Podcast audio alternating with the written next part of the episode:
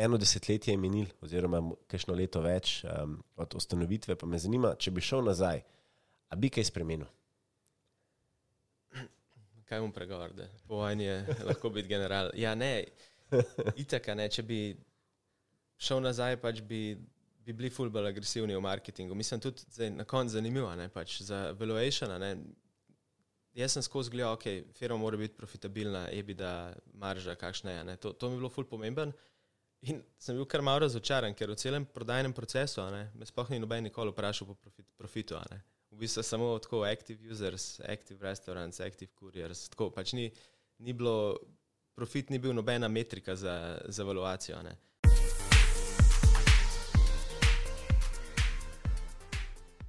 Dobrodošli v podkastu Beyond Leadership, kjer gostimo izjemne posameznike in odkrivamo nove dimenzije vodenja, njihove talente in, in recepte za uspeh. Z mano je danes en zelo poseben posameznik, lepo pozdravljen, Borut. Zdravo, zdravo. Zdaj, Borut Markel je ustanovitelj in pa CEO e-hrane.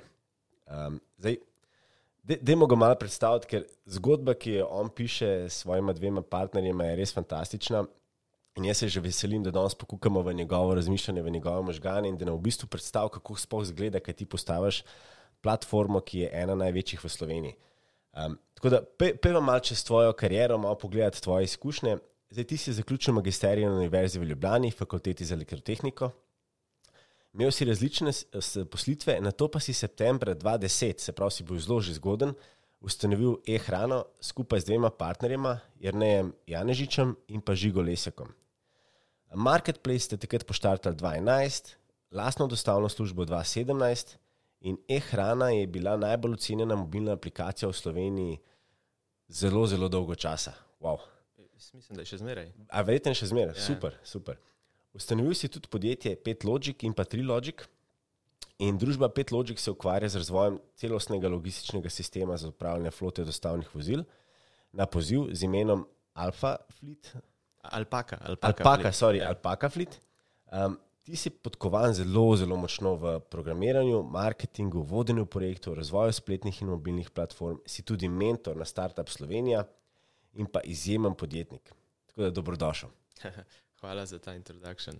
Zdaj, prvo vprašanje, ki ga jaz zmeraj vprašam uh, moje izjemne poslušalce, je, če bi bila mi, da so šolci v gimnaziji, si bil že takrat tak podjetniški, si, podjetniški, si že takrat hotel inovirati, spremenjati, si rekel, jaz bom postavil eno izjemno platformo. A ta vprašanje se najbrž navezuje zato, ker smo s founderji, jer ne vem pa žigatom se spoznali v gimnaziji. Ampak ne, sigurno v gimnaziji nisem razmišljal o podjetništvu.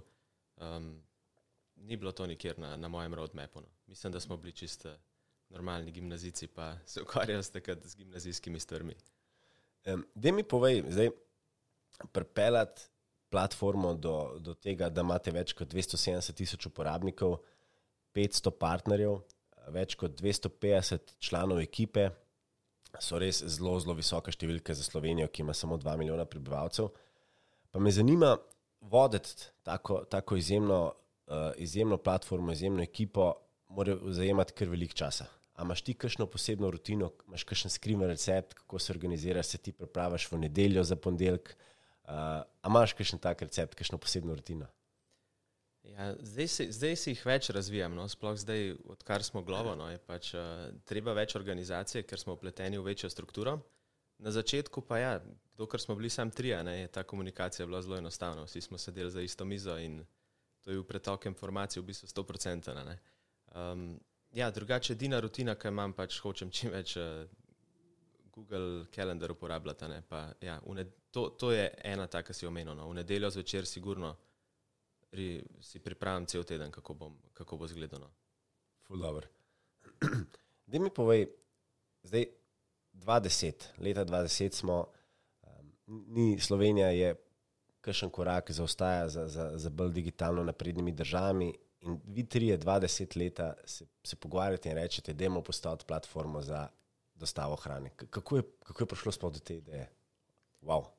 Ja, v bistvu to, uh, Žigadon so bila na Erasmus izmenjava v Minhnu, tehnična univerza v Minhnu in tam so bila um, velika uporabnika Pizza DE portala.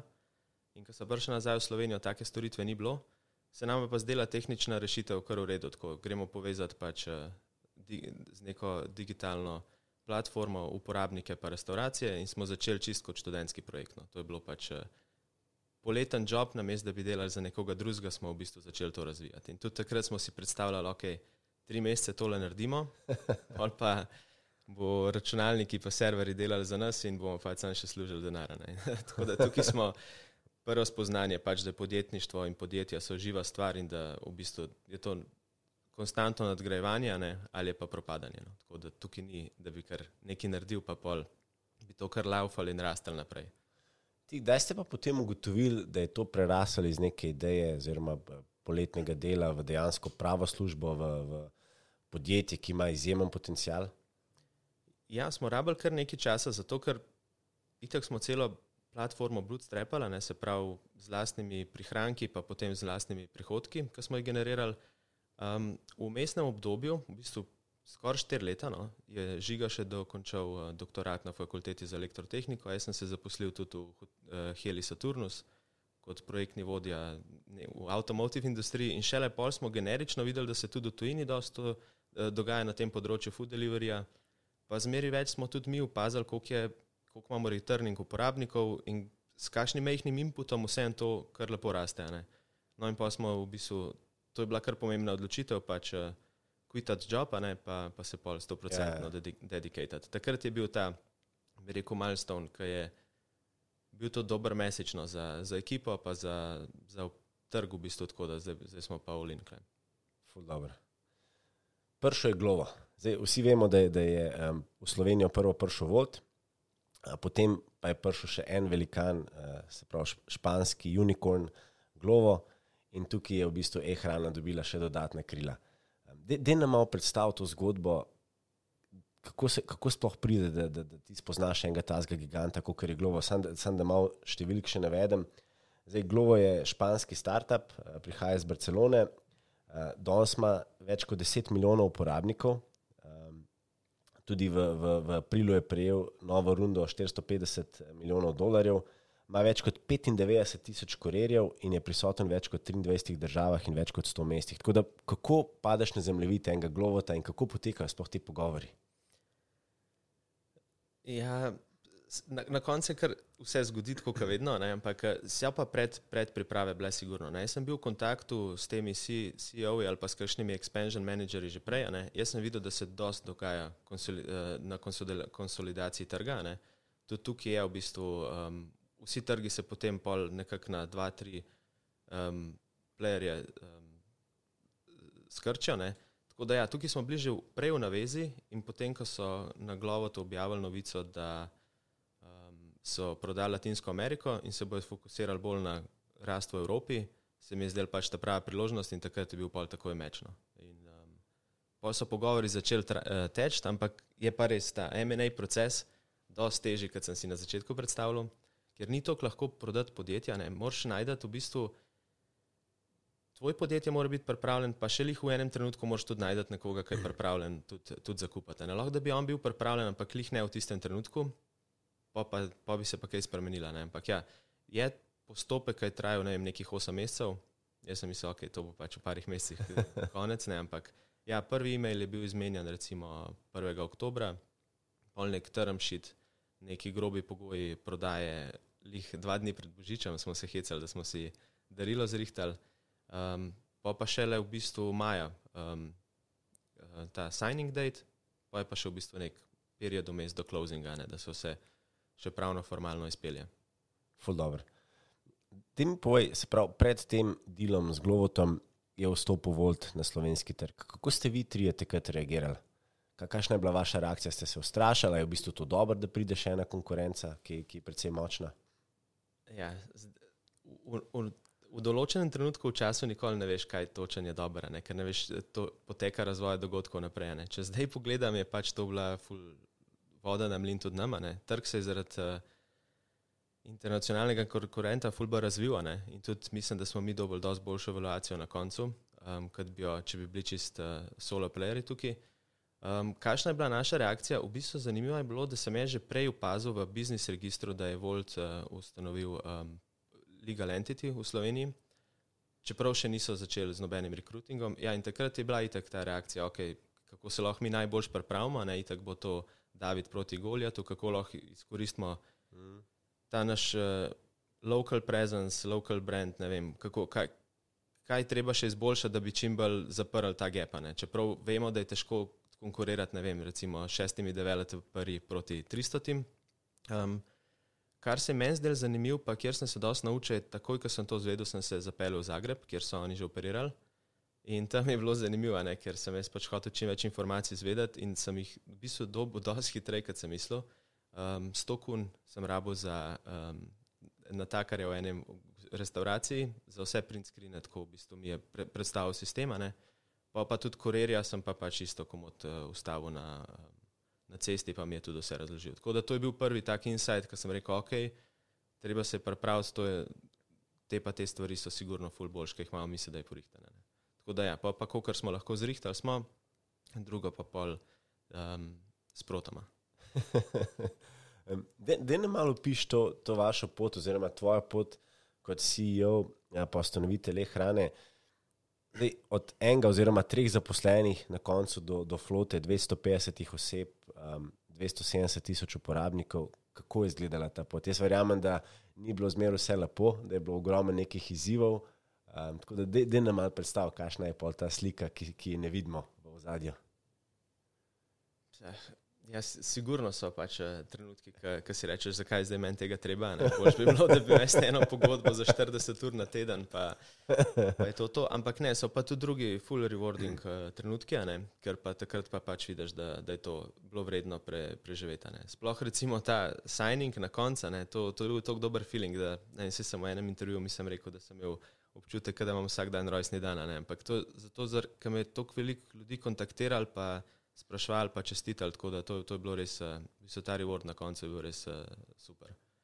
Um, kar se pa tiče zdaj vodenja ekipe, ne, um, v eni knjigi sem prebral, da moraš v bistvu know enough about a lot, tako nekako. Ne. In tako se meni zdel tudi uh, ta moj potek, ne. sploh na začetku sem jaz v bistvu prvo prodajo sem jaz naredil, ne, pa prvih par restauracij sem jaz on boardu, uh, tudi marketing, Google AdWords, Google, Facebook, takrat 2010 to je bilo pač ful pocena, ne, če zdaj razmišljam, zakaj nismo še več takrat investirali v to. Ampak sem tudi jaz začel ne tako, v bistvu sem tudi Jarneju pa žigato pomagal pri programiranju, ne tako, da se mi zdi, da imam ful širok spektr tako področji, ampak ja, tako je pa ugotoviš, ne, da ti nisi dovolj ne, podkovan, da, da dosti boljš bistvu pol zaupa to strokovnjakom.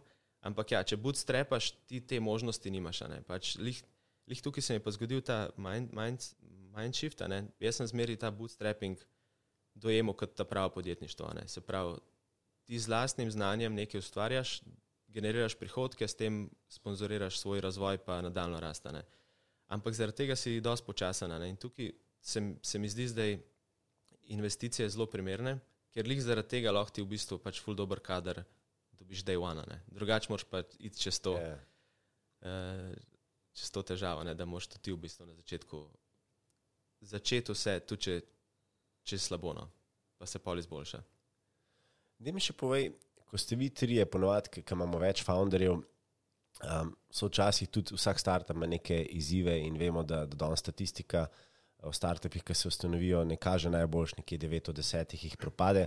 Vi ste eden izmed teh, ki vam je blazno dobro uspel. Kako ste si vi takrat, vi trije, razdelili vloge?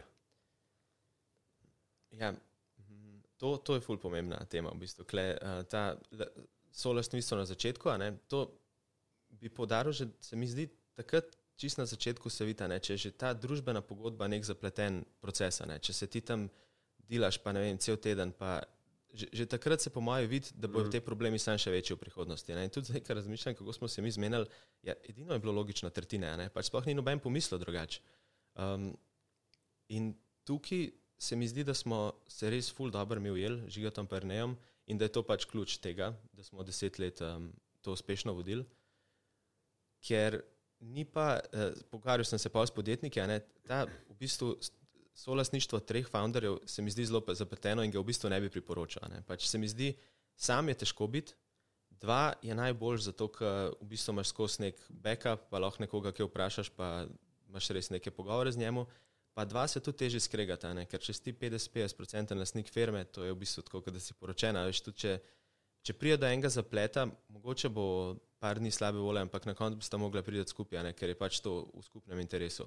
No, za tri, za tri je pa lih ta problem, da če sta dva preveč podobna si med sabo, pol ta tretja, ne, vedno izvesti pri vseh eh, odločitvah. Ne. In tukaj imam par eh, kolegov, pa znancev, ki so štartali tako, tako zgodbo in njem pač odstopil, ne, ker je rekel, pa če sklenimam besede. Ne, ker v bistvu s 33% ti lahko, če pride do nekega zapleta, vedno pač iz, izgubiš. Ne. Ja. Ja, pa, pa če pa spet več founderjev, ne, pa pač že skoraj demokracija, ne, pa, pa mo- mogoče imaš enkrat ti zdrav, neki pa enkrat drug. Tako da se mi zdi pa lažje spet, ampak tri je lih ta kritična meja. Ampak ste se pa v bistvu lepo razdelili vloge. Ti si pokrival kot direktor, Ja, žiga v bistvu, uh, žiga pa Ernesta pa prevzela razvoj. super. Da, to je bilo redu. Da mi povej, kako ti zdaj v enem um, članku v dnevniku si, si izpostavljal, malo kam gre ta tehnologija, in si rekel, da čez pet let bodo hrano verjetno dostavljali roboti. Kako ti gledaš na, na tehnologijo, um, kam, kam vidiš, da gre, da gre razvoj teh platform? Ja, ta, ta, ta naslov je malo udaren, po mojem, sem nekje tako rekel, pa je pol bil kar naslovnica takoj.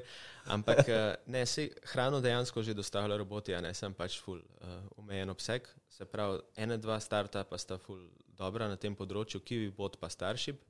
In tako, kot je korona povzročila, šte, um, pospešila številna, številni razvoj, ne, je tudi ta Kiwi bot pa Starship, oni so bili omejeni na ameriške kampuse na začetku. Kar se pa v bistvu lanske polet zgodilo, je pa pol, da je San Francisco v bistvu tudi spremenil zakonodajo, da lahko te mini robotke vozijo tudi po, po pločnikih. To gre pa v bistvu za take res fulušne robotke, tako nekih šest koles imajo, pa pele se 10 km na uro po pločnikih. Vspred ima nek displej, če se jim nastaviš na pot, te lepo prosijo, hej, ja bi se mi prosil omakniti. Tako pač da.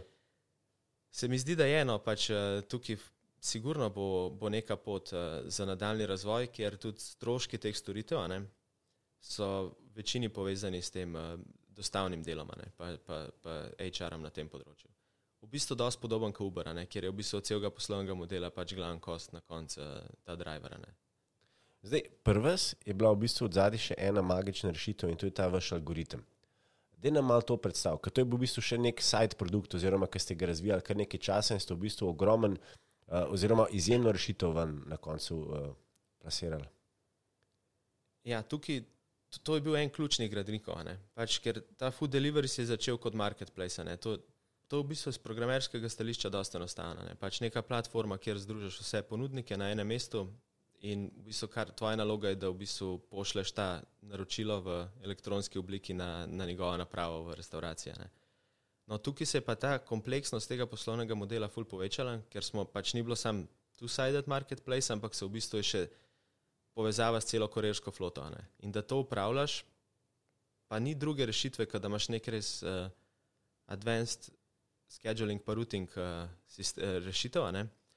In ja, tukaj, tukaj bi rad povdaril, da smo s tako majhnimi resursi, no, pa žigatom, pa Renejem, predvsem kle na čelu, pač bili sposobni to, to razviti. No.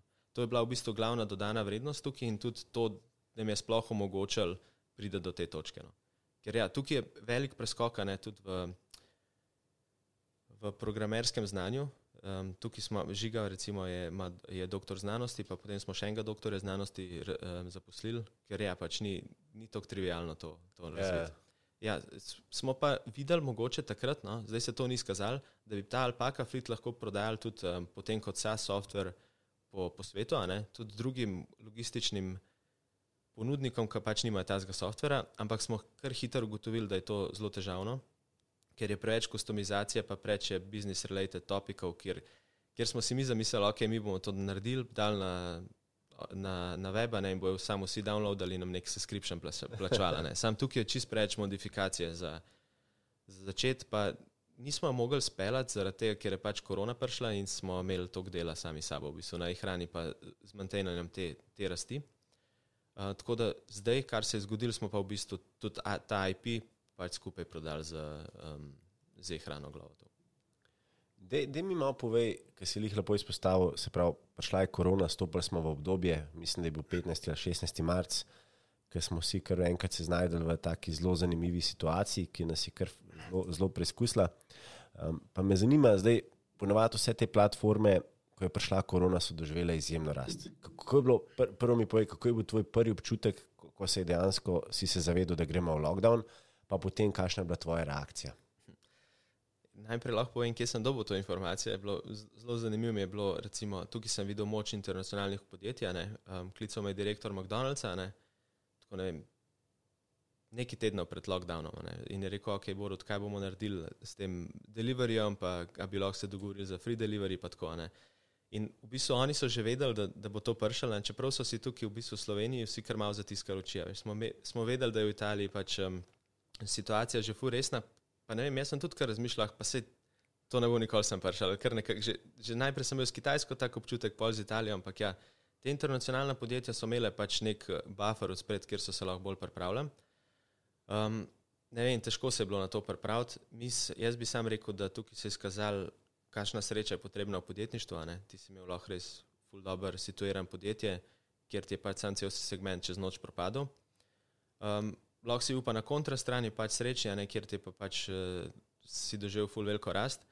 Ampak v resnici nič od tega ful zaželeno v podjetništvu, ker te hitre spremembe ne pač povzročijo ful stresa. Ne, to, um, obe smeri. Tako da ja, na gor je boljši, ampak tudi mi smo imeli full stresa, v bistvu, pol, kako dobiti dovolj kurirov na hiter.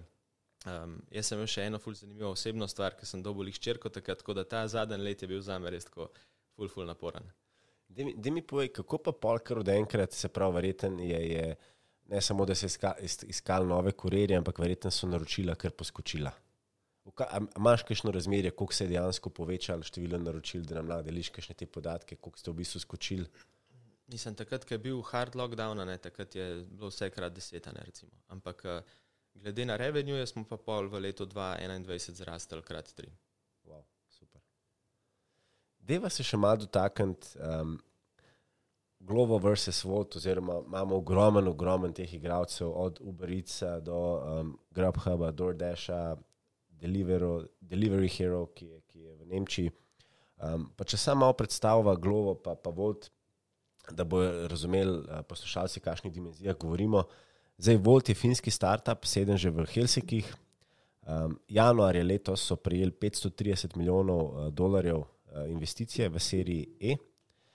Ima uh, skoraj 3000 zaposlenih, 45 tisoč restauracij, uh, 95 tisoč kurirjev, Potem imamo pa na drugi strani, kot sem že prej omenil, Glovo, ki bo ustanovljen leta 2015, ki ima pa že skoraj 100 plus milijonov različnih naročil v 21 državah, pa mislim, da je že skoraj 5 ali 6 tisoč zaposlenih, če ne celo več.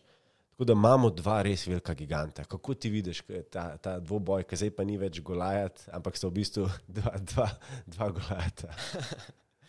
Ja, mislim, za, za nas bo to sigurno zdaj lažje. Pač, uh, imamo več sredstev za, za marketing, uh, ful, ful vidimo, da je enih stvari v razvoju, ki smo mi vedeli, da jih moramo narediti, pa jih pač nismo imeli časa. Ne? Ful je ene analitike v zadju, ful je enih izkušenj iz tujine, tako da tukaj, tukaj se bomo sigurno tudi mi ful naučili. Um, ne vem, oba playerja se poznata iz ful velikih marketov, ne? ni zdaj tako, da je pač Slovenija prvi yeah, krešana, yeah, ampak yeah. ja. Um, mislim, da se vsak od, od teh startupov ima neko svojo pot, ne? pač naj nek storyteller je zmeril v zadju, njihov founder, ne? in pač vsak ima nek, neko svojo vizijo. Um, in ja, vsi med sabo nekje tekmujejo, um, kar je glavna, ne vem, nek competitive advantage Glovota je v bistvu ta um, deliver everything, v bistvu, da, da omogočimo vsem uporabnikom v mestih dostop enostaven dostop do vsega. Ne. Tukaj se mi zdi, da kar se je začel kazati, te startupe, ki se umenijo, v bistvu ne vem, če se sploh še toliko startupi, ki so vsi štartali ja, več kot pet let nazaj, recimo, ja, že izjemno. Ja, pa, pa res veliki. Ampak zdaj je nova runda teh, ki prihajajo, recimo, ne vem, Joker, Gorilla, uh, Getir, um, to so pa startupi, ki se pa na uh, grocery delivery fokusirajo in tukaj se mi zdi pač ta prednost Glovota, da je v bistvu to tudi začel dosti zgodaj in ima tukaj nek competitive edge. No. Uh, tudi mikrofulfillment centre dosti odpirajo. Um, in ja, ta dostava grocerija v desetih minutah se mi zdi, da je v bistvu naslednja velika stvar in vsi ti veliki playeri tudi grejo to, ne. ker je pa cel segment dosti večji od samega food deliveryja in tukaj mislim, da se bo v prihodnosti sigurno kaj uh, velikega zgodilo. no. Predvsem pa sem tako zdaj videl, da takoj, ko se ene velike investicije dogajajo v, na en področje, a ne, povzročijo tudi neke spremembe navata. Ne. Zato, ker ta denar se pol spenda na user acquisition in ne vem, nekem procentu ljudi bo to ful všeč. a ne. Dobolj Ja. bo to storitev ful pocen, ful zaston, zato da bojo jo sprobali. In nek procent ljudi bo to, bo to rekel, ok, to, to je sraben tudi naprej. Ne. Top. Pe, peva se še malo dotakniti na tebe kot, kot direktorja, ki si vodil to, to uh, izjemno platformo, izjemno podjetje. Kako bi pa rekel, da se je pa tvoj slog vodenja oziroma stil vodenja, ki si se iz leta 2010, ko si poštartil z dvema prijateljema, do danes, ko si dejansko prodal in naredil izjemen exit, kako, se, kako si se ti spremenil, tvoj stil vodenja? Ja, ne vem, jaz si zmeri te stile vodenja tako malo predstavljam s kakšnimi prispodobami, ampak ne vem, jaz, jaz, jaz sem rad tako v, v središču ekipe, nočem biti pač un direkt frontman, a ne recimo, ampak tako rad sem v središču, pa imam full dober pregled, tudi recimo tako open space imamo, hočem sedeti uh, na sredini, se nočem nek uh, dislocirati v eno ločeno pisarno. Ful mi pomeni ta small talk, no, tam se mi zdi, da dosta velik stvari izvem, ka, kakšno je vzdušje. Tako to se mi zdi, da imam skozi nek dober, dober pregled nad, nad dogajanjem.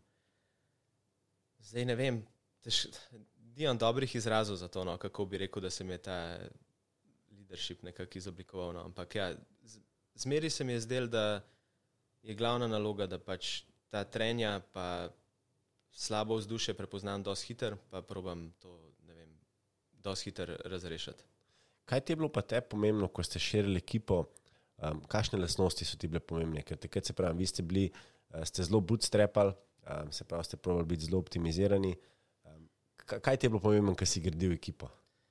Ja, to itak ne. To hiring proces je pač en izmed teh ključnih uh, nalog. Ne. ne vem, tukaj smo, ful, mislim, sploh zaradi bootstrappinga smo iskali pač bolj attitude kot pa nek, eh, kot neke iz- izkušnje. Ne. In tukaj smo pač toliko takih dobrih posameznikov spoznali, da, da sem prav bil navdušen. no. Mislim, počaščen, da so sploh delali recimo za nas, tudi če so pol najdel neko drugo pot, ampak se mi zdi, da smo to res dobro prepoznali. Um, kaj mi je bilo pomembno, ne vem, ful, recimo, pomemben mi je intervju, da, da sta oseba saj tako malo smeji. a veš, ta- Tako, tudi če je bil res uno, perfekt, ne vem, technical, pa se, se, se velikrat nismo pa odločili. No. Se mi zdel ta cultural fit ful, ful pomemben. Super. Se mislim, da je zelo veliko podjetij, če dalje več razumeva, da je to pa res neka zelo, zelo pomembna komponenta in da moš res najti pravo ekipo. ne. Sploh danes v takih časih. Um, Deva se še malo dotakniti. Zdaj, eno desetletje je minil, oziroma kakšno leto več um, od ustanovitve, pa me zanima, če bi šel nazaj, a bi kaj spremenil. Kaj bom pregovoril, da po vojni je lahko biti general? Ja, ne, itaka ne, če bi šel nazaj, pač bi, bi bili ful bolj agresivni v marketingu. Mislim tudi zdaj, na koncu zanimivo, ne, pač za valuation. Ne, jaz sem skozi gledal, ok, firma mora biti profitabilna, ebida, marža, kakšna je. Ne, to, to mi je bilo ful pomemben. In sem bil kar malo razočaran, ker v celem prodajnem procesu ne, me sploh ni noben nikoli vprašal po profit, profitu. V bistvu samo tako active users, active restaurants, active couriers, tako pač ni, ni bilo, profit ni bil nobena metrika za, za evaluacijo. a Ne. Tako da ja, iz tega stališča bi sigurno lahko ful optimizirali. Drugač pa iskreno, pa tako, kako se pa sam počutim, je pa, mi smo imeli od začetka podvajanje prometa na, na letni ravni. Ne. In se mi zdi, da je bilo to tudi nekaj pozitivnega, da smo lahko sledili tudi tako z osebnostjo rastjo temu, pa da ni bilo tako stresno. No. Se mi zdi, da tudi če bi pa mogoče takrat pa en velik investment, najbrž sploh nismo bili pripravljeni, recimo, ne, bi pa bilo ful bolj stresno celo obdobje. Tako da ja, gledati nazaj, jaz, jaz sem ful zadovoljen. No. Da, Um, če bi gledal čisti iz, iz stališča številk, pol bi lahko optimizirala, ne? ker bi pač bili na, na višjem skalu zdaj, zaradi tega, ker bi bili bolj pogumni v, v investiranju. ne. Ampak ja, um, glede na to, pa kako smo se imeli, pa kako je vse se zdaj iztekalo, pa mislim, da, je, da smo vsi zadovoljni. Deva se še malo dotakniti um, Exita. In sicer večina startupov v Sloveniji ima itek v, v, v, glavi že to idejo, da v neki fazi bojo probali narediti Exit oziroma se probali prodati v tujino. A ste vi trije, ko ste to poštartali, pol v neki določeni točki rekli, ok, zdaj pa, zdaj pa postajamo že, že, že kar močni, dajmo se tudi fokusirati, če slučajno pride kakšen igralec, da smo pripravljeni. Ste že takrat malo razmišljali, da bi radi naredili neko exit eh, strategijo? Ja, pred dve leti nazaj, recimo, je ta ideja prišla v pogovor. Pač prej pa res nikoli, tako nikoli ni bilo. Se mi zdi, da je tudi tako ful, ful kontradiktorno, ampak se mi zdi, da je ve, večji uspeh za prodajo, če, če ne razmišljaš o prodaji. Ampak v ključni fazi pa je pomemben razmišljati o prodaji, zato ker ne vem, imaš v bilancah stvari, ki jih ne bi hotel imeti, recimo imaš kakšno nepremičnino, ki ni zanimiva uh, za, mislim, lastniki smo bili prejšnjih pisarn, pa smo se recimo tega že prej lo, losali, zaradi tega tudi, ker smo vedeli, da bo teži um, zaradi tega prodata. Um, Ja, in so, so priprave, pa predvsem tako mentalne, da te eno vpraša, okay, um, da so že ownerji v bistvu alignani glede evaluacije, da imaš neke piče pripravljene, pa ja, predvsem mentalno, no, da si pripravljen. Takrat, ko pride to, da, da nisi še ti v tej fazi, da moraš vse pregledati. Da mi še povej, kako pa sploh zgleda ta postopek pogajanj evaluacije?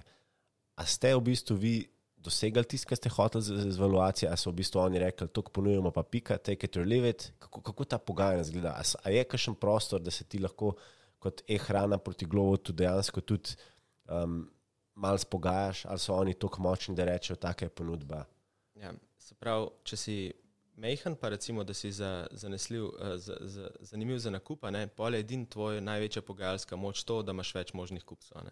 Zato bi predlagal vsem, ki enkrat um, pridejo do te faze, pa se odločijo, da se kontaktirajo z nekim brokerjem, ki ima fully izkušen na prodaji podjetij in da se spele v bistvu tako organiziran prodajni proces. Ne. To zgleda, da se nam se ni tako išlo, no, sam zdaj bi kot, kot predlog, pa bom pa še komentiral, kako je bilo pri nas. Ampak ja, ta organiziran prodajni proces, to je nek pitch ali short deck se, se pošlje vsem možnim kupcem. Naj, te brokeri imajo ponovadi še dosta dobrih uh, kontaktov z nekakšnimi investment fundi ali pa to in se tam kar definira. Sprejemamo ponudbe do vem, konca septembra, potem bo vem, ta negotiation phase en mesec in pol od takrat naprej bo pa vem, ekskluziven ali pa neekskluziven due diligence s tem pa tem partnerjem ali pa sam z enim. Uh, in ja, lih to se mi zdi, da te spravi v boljši položaj, ne? zato ker če imaš ti v isti časovnici dva potencijalna kupca, ne, pol, pol si v boljši poziciji, ne, zato ker ti lahko enega proti drugemu igraš. Ne, um, in to, to, je, to je tvoj edini advantage, zato ker ja, če, če, zme, če je taka velika razlika med podjetji, pol je tako, kot si ti rekel, pride offer, pa se reče ja ali pa ne, ne.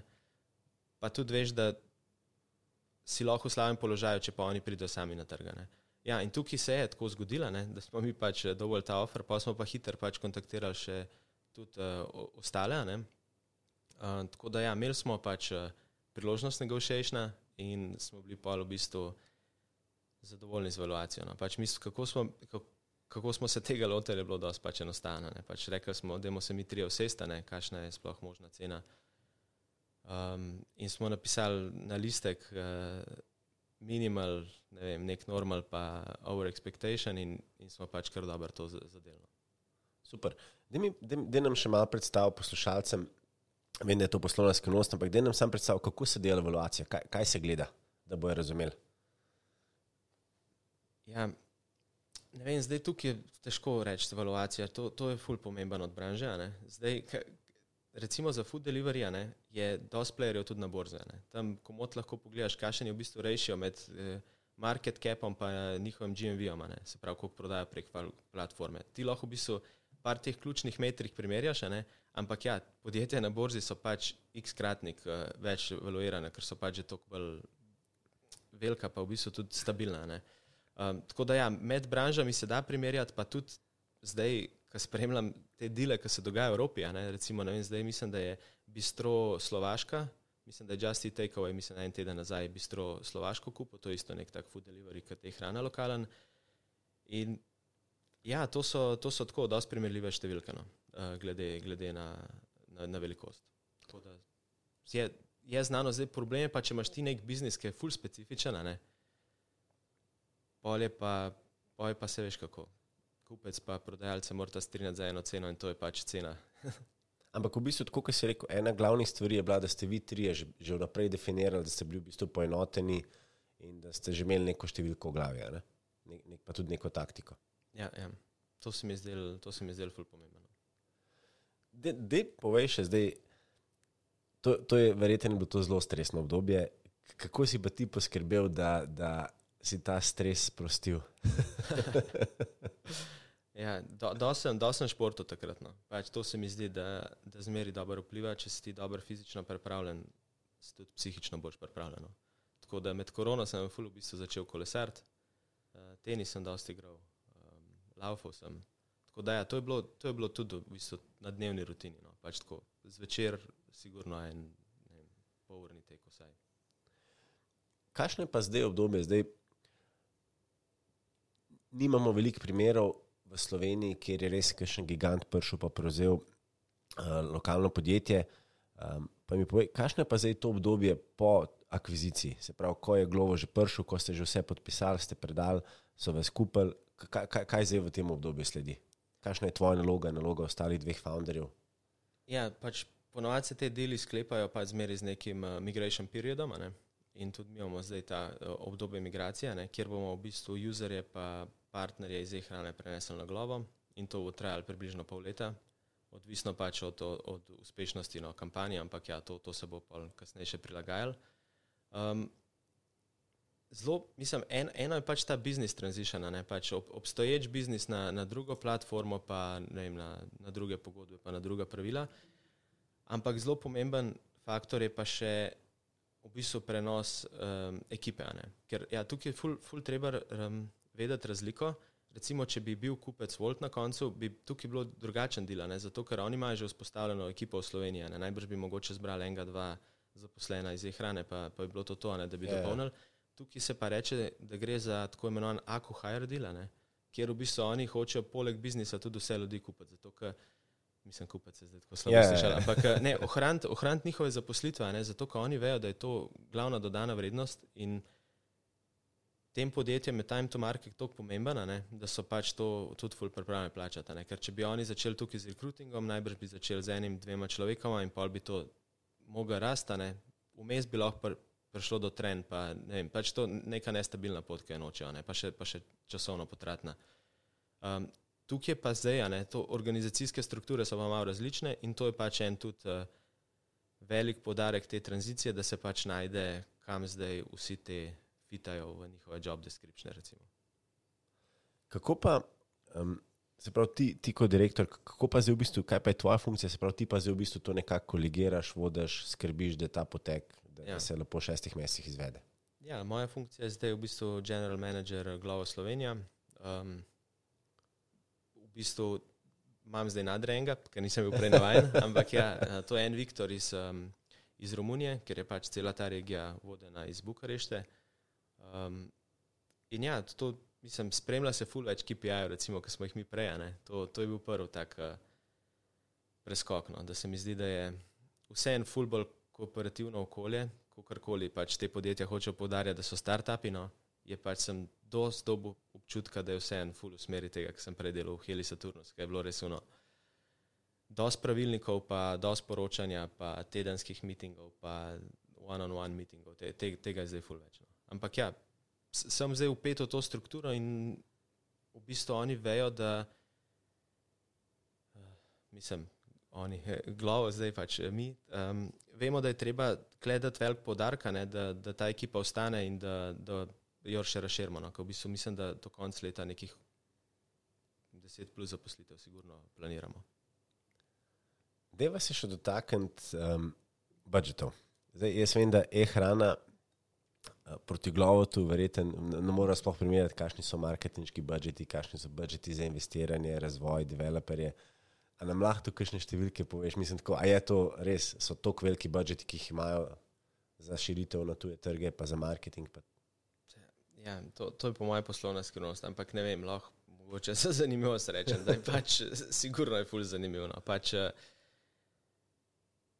ne vem, pač, ker zdaj gledam nazaj, ne pa pogledam lifetime marketing budžet od hrane. Se pravi, koliko smo mi spendali na marketingu v desetih letih zadnjih.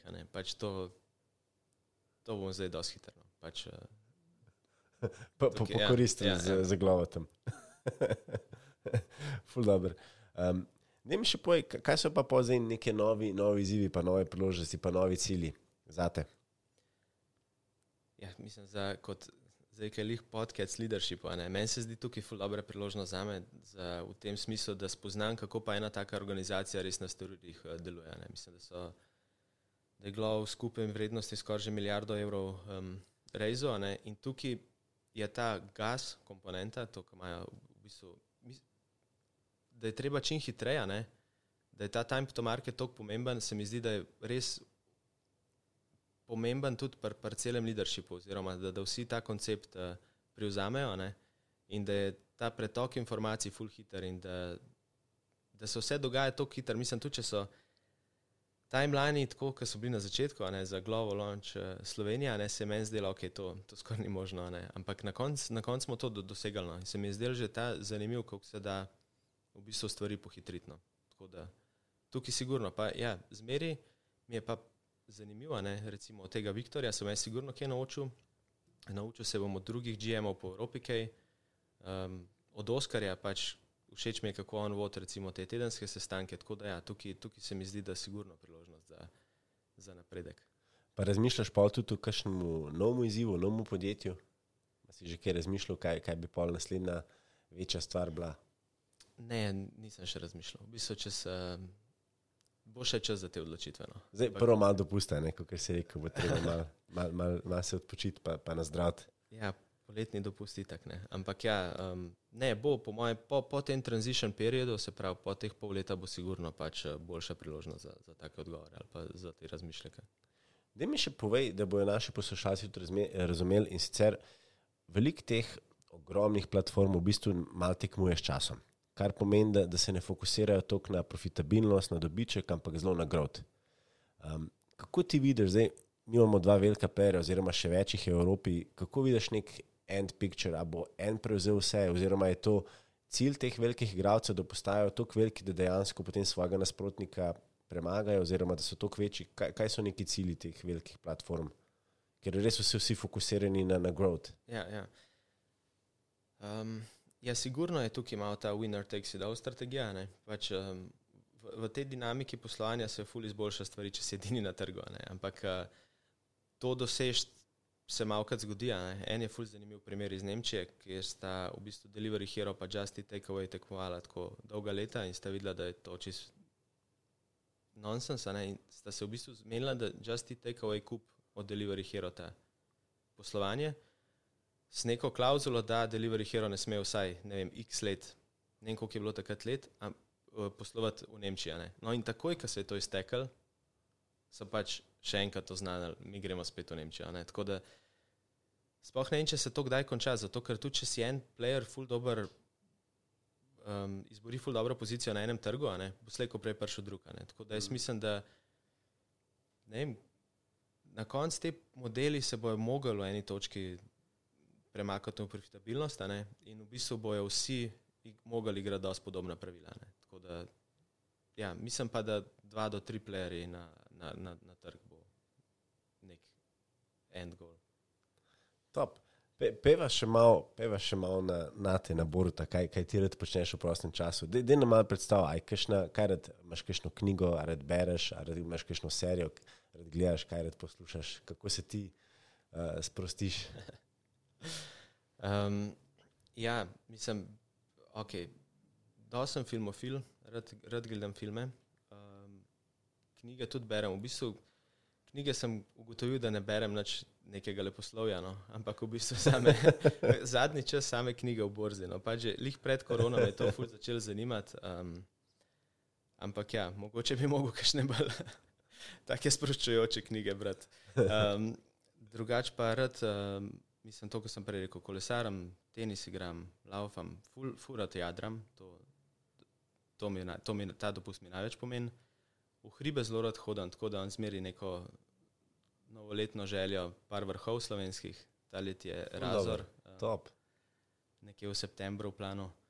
Um, pa ja, ful rad se ukvarjam z videoprodukcijo. Imam celo nek uh, program, uh, ta YouTube kanal Marko Marko, no, ampak to predvsem sailing filmčke ali pa iz, iz hribov, ki ta zgo objavim. Recimo to, s tem bi se rad ful več ukvarjal, ampak zaenkrat ni bilo časa, no, mogoče kdaj v prihodnosti. Deva se še dotakniti, zdaj ti si tudi mentor v Startup Slovenija. Pa me zanima, verjamem, da imaš zdaj poplavo, ogromno ljudi te, te kontaktira, želi tvoje izkušnje, želi tvojo, um, tvoj pogled. A imaš ti, si tudi imel kakšnega mentorja, oziroma imaš kakšnega mentorja, ki je pa tebi malo pomagal? Ja, ful velik. Um, edin škoda, no, pač, ker nisem tega prej spoznal. Mi smo s tem P2, ko smo ga dobili 2017, smo pol. Je bil eden izmed pogojev, da moramo iti v nek mentorski program, zato smo se odšlanili v SIT program. In tam so bili tako dodeljeni par mentorjev, ampak mislim, da takrat sem šele dojel to, koliko je, koliko je dobro se družiti z drugimi podjetniki, pa pač uh, poslušati. Ne. Se mi zdi, da od vsega lahko nekaj pametnega vzameš ne, in pol to apliciraš. Je pa še to zanimivo, no, od dostih teh mentorjev, tako, mislim, ni nujno, da, tako, da imajo sploh tak naziv.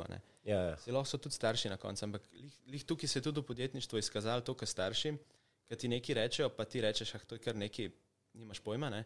In pol, ki priješ do une faze, vidiš, da okay, oni so imeli prav. Ja. In tukaj sem tudi teh podjetniških nasvetov dosti dobil, ker so se mi takrat zdeli nesmiselni, pa sem potem enkrat na poti rekel, ok, veš, on je pa že takrat bil na tem levelu, da je pač vedel, da, da meni to Ja, ja, manjka ja. in da bi, to, da bi bilo to pa res dobro že takrat implementirati ali kaj tasga.